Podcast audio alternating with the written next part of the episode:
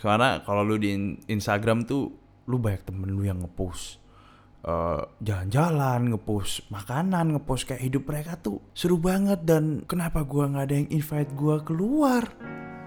Apakah gue sendirian? Jujur aja temen lu tuh mungkin sendirian.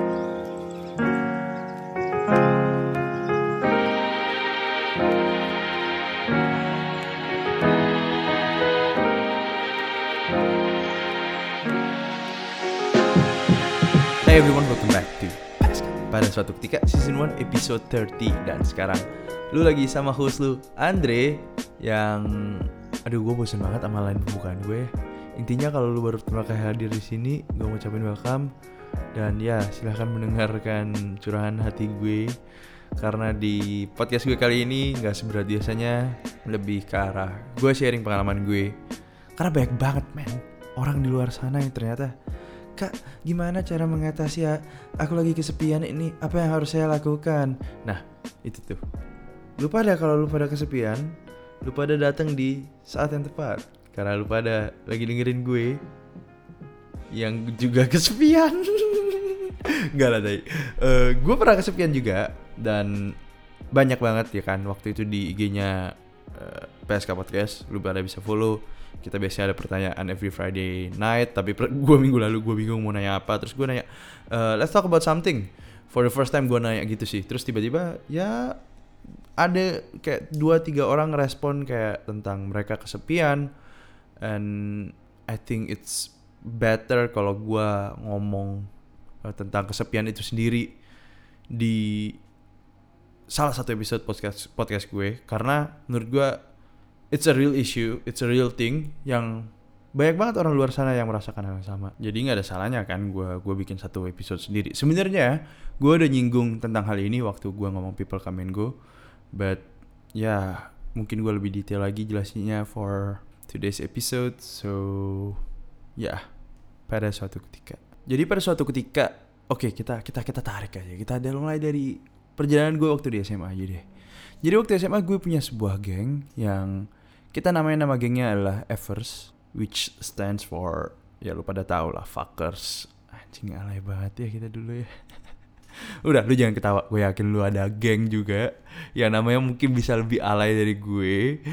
Tapi itu good old good old days, good old days, good old days. Kayak guru gue sampai nanya, kita nanya itu geng apaan? Ya, Enggak bu, itu artinya friend forever. Tai. Eh, ya kita ada geng itu. Kita biasanya ngumpul di Sutos hari Sabtu malam kan ya, baru anak-anak SMA. Dulu dulu Sutos tuh hits banget loh.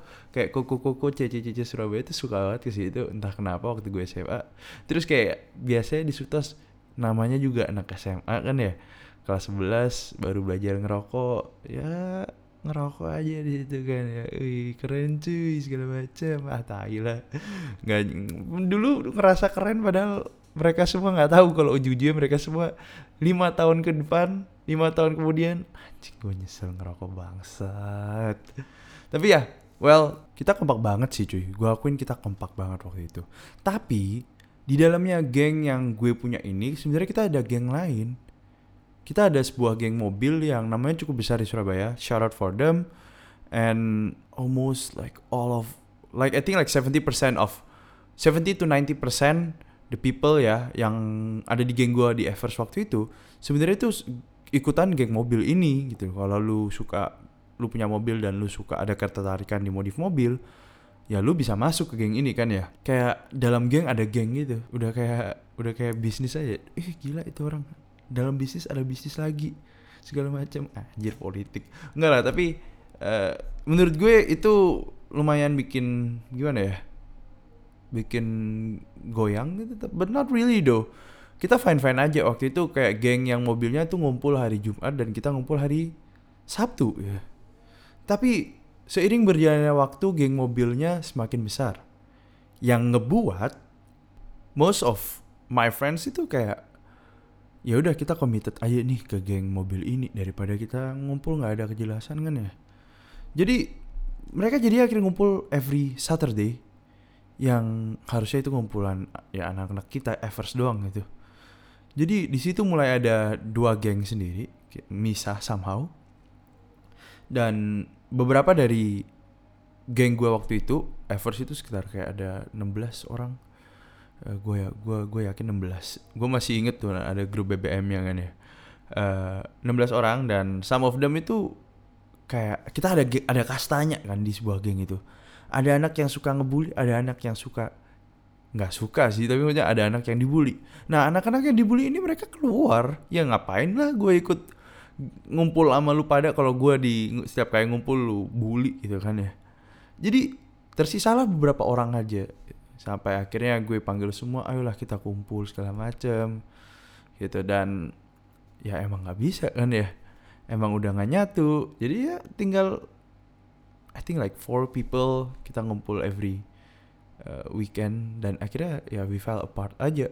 Ya gue akhirnya kadang bisa main PS doang di rumah for like a few weeks gitu. Mereka nggak salah sih menurut gue. Mereka nggak salah ngejar gol mereka eh kalau gue ngelarang mereka kembangin geng mobil mereka hanya karena ketidaktertarikan gue atas modif mobil apa artinya gue nggak selfish?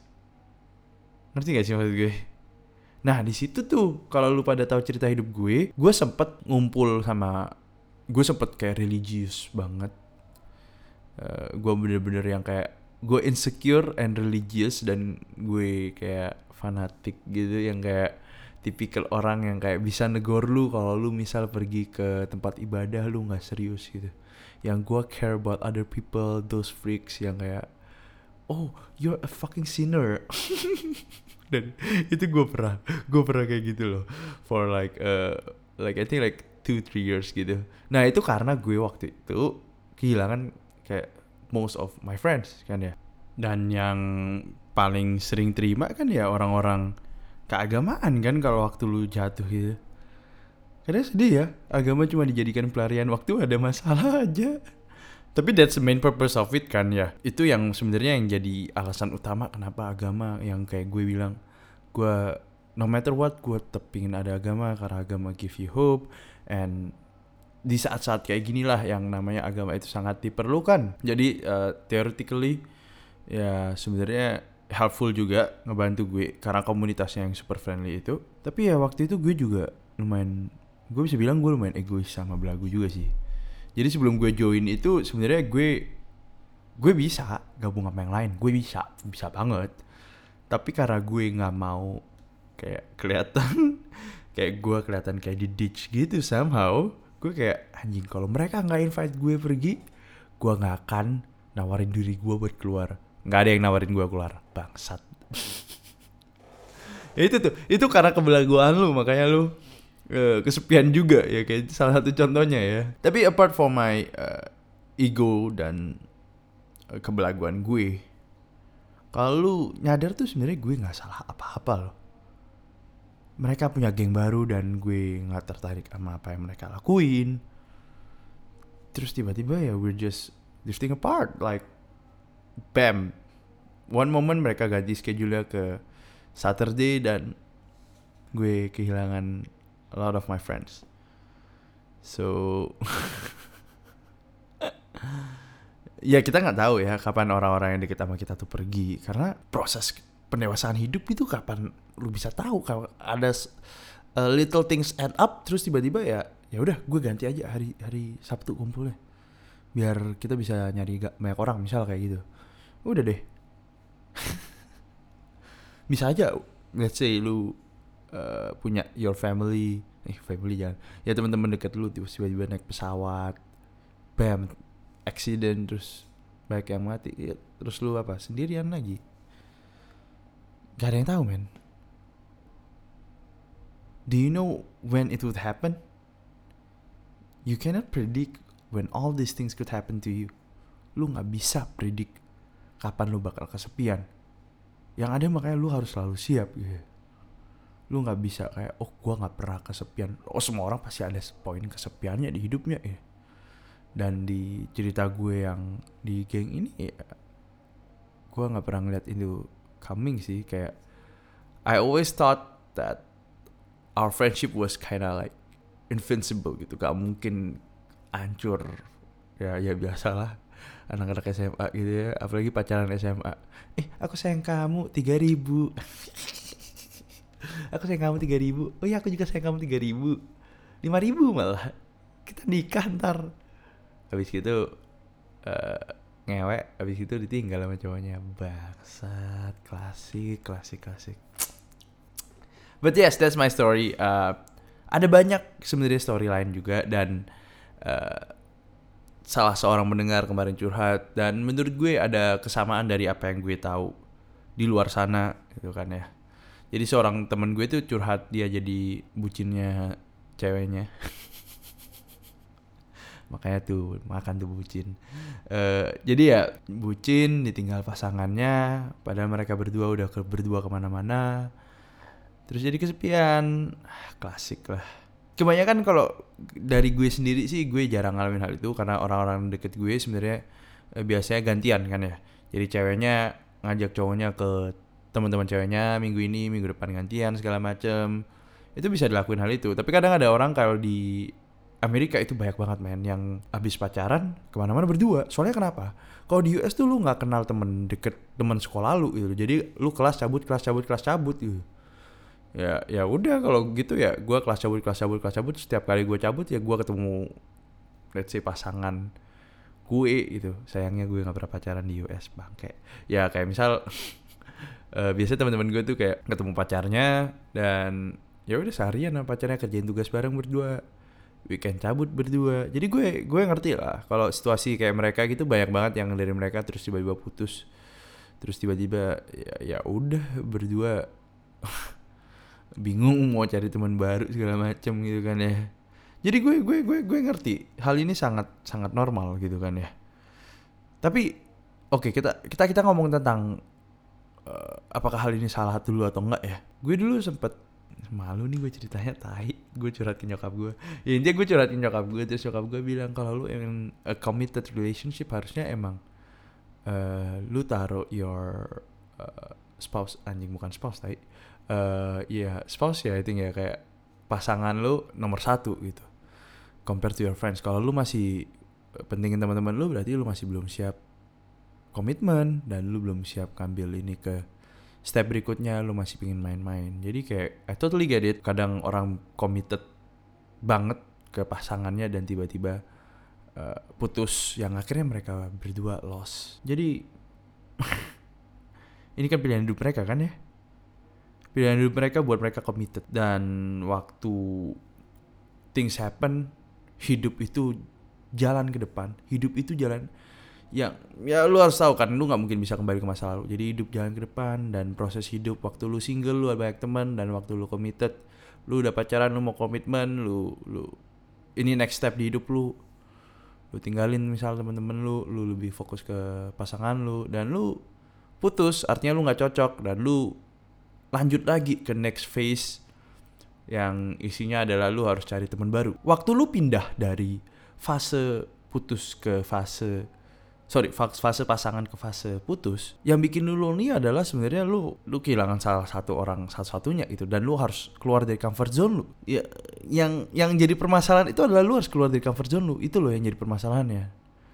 Comfort zone di mana lu udah punya satu orang yang lu percayain gitu. Kayak gue yakin ini nggak mungkin ke mana-mana. Gue yakin he is she is the one. Dan lu akhirnya hilang.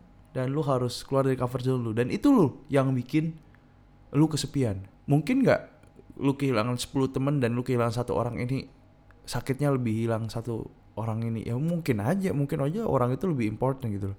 Tapi kalau lu lihat dari waktu kehilangan temen waktu kehilangan pasangan lu dan segala macam sebenarnya lu lu keluar dari comfort zone lu aja. Yang lu udah ada uh, zona nyaman uh, seorang individu atau banyak individu yang lu bisa aja ngomong tiba-tiba lu hilang semuanya aja ya. Sedih. Pernah nggak ngerasain hal itu lu pada gue yakin masih pernah sih. Karena menurut gue itu semua orang pasti pernah ngalamin hal itu. Pindah dari SMA kuliah.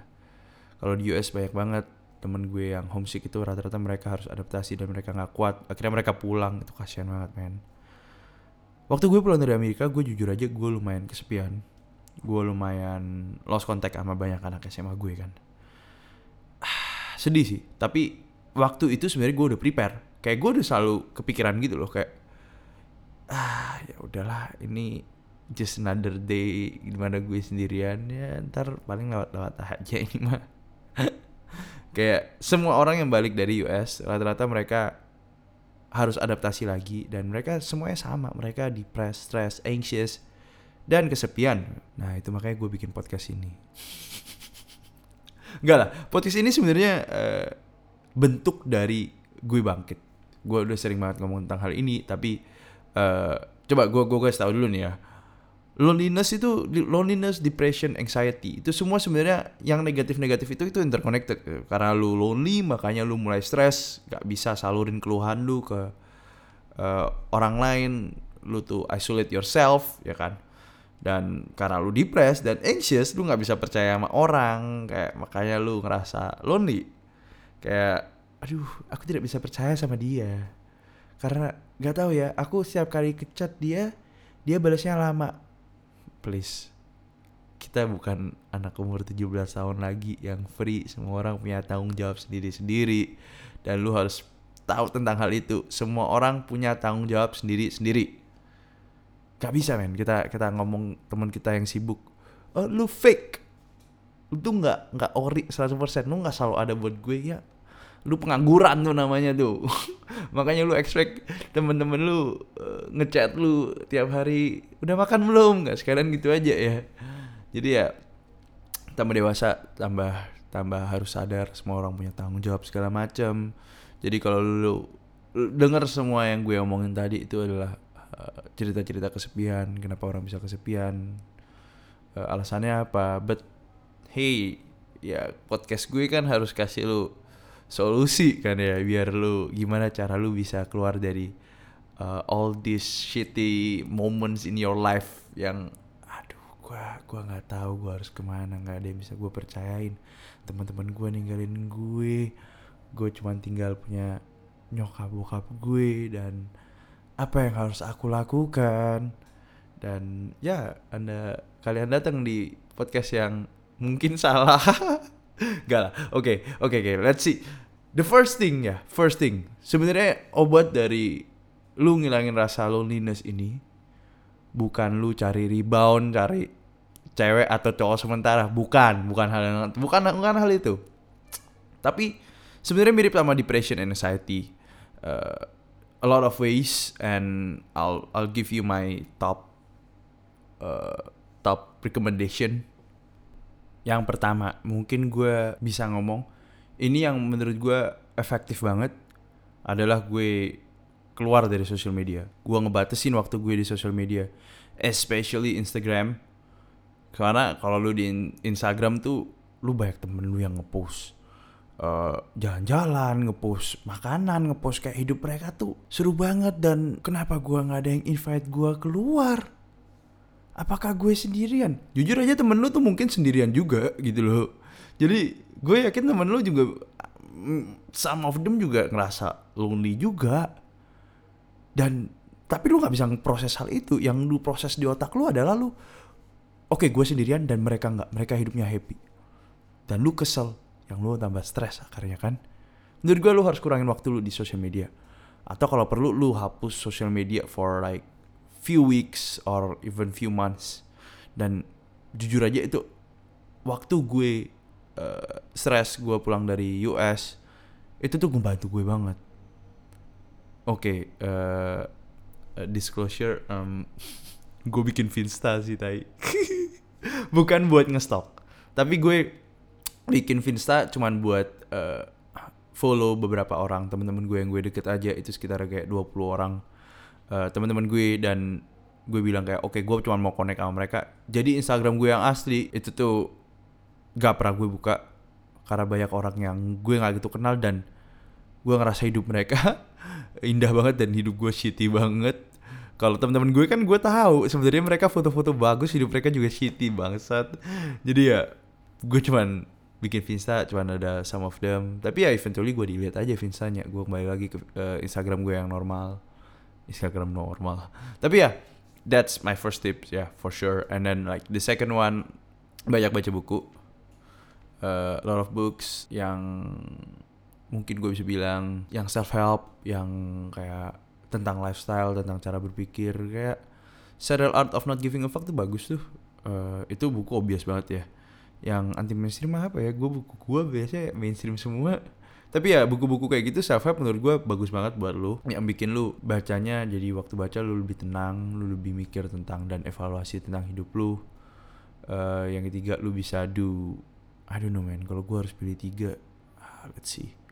I think like do something do like for me workout gitu kayak gua ada proyek gitu kan do a project do do uh, a task like a goal yang mungkin kayak lu bisa bilang oke okay, gue mau pick up new hobby or like uh, gue mau traveling more. Kayak kayak kayak small things kayak oh I workout aja deh biar gue nggak ngerasa sendirian.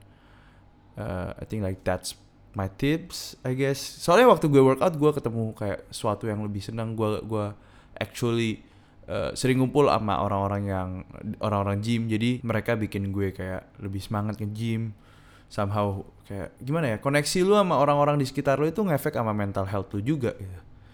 Uh, the more you talk to people terus the more lu enjoy spend your time with other people lu bakal uh, mental health lu juga bakal naik dan lu bakal ngerasa nggak kesepian gitu banyak banget komunitas di luar sana yang kayak contohnya tadi gue bisa pilih komunitas ya religi religius gitu ya nggak harus komunitas religius lu bisa pilih komunitas apa aja kan ya. Dan di situ lu bisa open up to them make new friends and lu mungkin bisa lebih santai waktu lu masuk ke kelu atau keluar dari keluar dari comfort zone lu dan masuk ke comfort zone yang baru gitu kan. Ya proses hidup tuh selalu kayak gitu loh. Kayak lu harus moving forward lu harus keluar dari comfort zone lu mulai dari uh, habit lu lu harus ganti teman-teman lu harus ganti lu bisa dengerin di People Come Go kalau lu uh, mau denger tentang ini lebih dalam berarti ya lu nggak bisa mundur men. Hidup tuh selalu maju ke depan. Dan gue yakin gak semua orang hidupnya enak-enak aja dan mereka selalu rame itu enggak gue yakin banyak banget di luar sana. Dan gue yakin malah semua orang pasti ada poin di mana mereka ngerasa kesepian. So yeah, stay strong and don't kill yourself. And yeah just go out more I guess. Yeah. Hey, thank you banget udah dengerin PSK Podcast sampai akhir. Dan first of all gue mau ngucapin selamat puasa buat yang uh, ngerayain obviously. Uh, stay strong jangan lupa minum banyak air. Tentunya bukan waktu lu puasa ya obviously. Uh, actually juga puasa ini bagus buat lu pada intermittent fasting lu pada bisa workout at night. Kok gue jadi ngomongin workout sih? But ya yeah, uh, gue seneng banget gue kira ngomong sendiri. Uh, tapi kayaknya gue for the next like few weeks kayak gue bakal ngundang orang or topiknya nggak mungkin berat-berat banget karena gue sibuk banget di kerjaan gue. Mati dah. Jadi ya kalau lu bikin topik yang rada berat mungkin abis lebaran baru kita bisa ngomong topik yang lebih berat. But yeah don't forget to follow PSK Podcast. Don't forget to follow PSK Podcast. Don't forget to follow PSK Podcast. And yeah, just hit me up kalau lu pada ada yang pengen curhat tentang kesepian-kesepian lu. Uh, gue pasti jawab. Apalagi kayak Friday night gitu. Gue juga biasanya Friday night di rumah. Ya kalau lu pada juga di rumah ya lu bisa DM gue. Let's talk about something. Uh, yeah, I don't have anything to say, I guess. So I'll see you guys next week. See ya.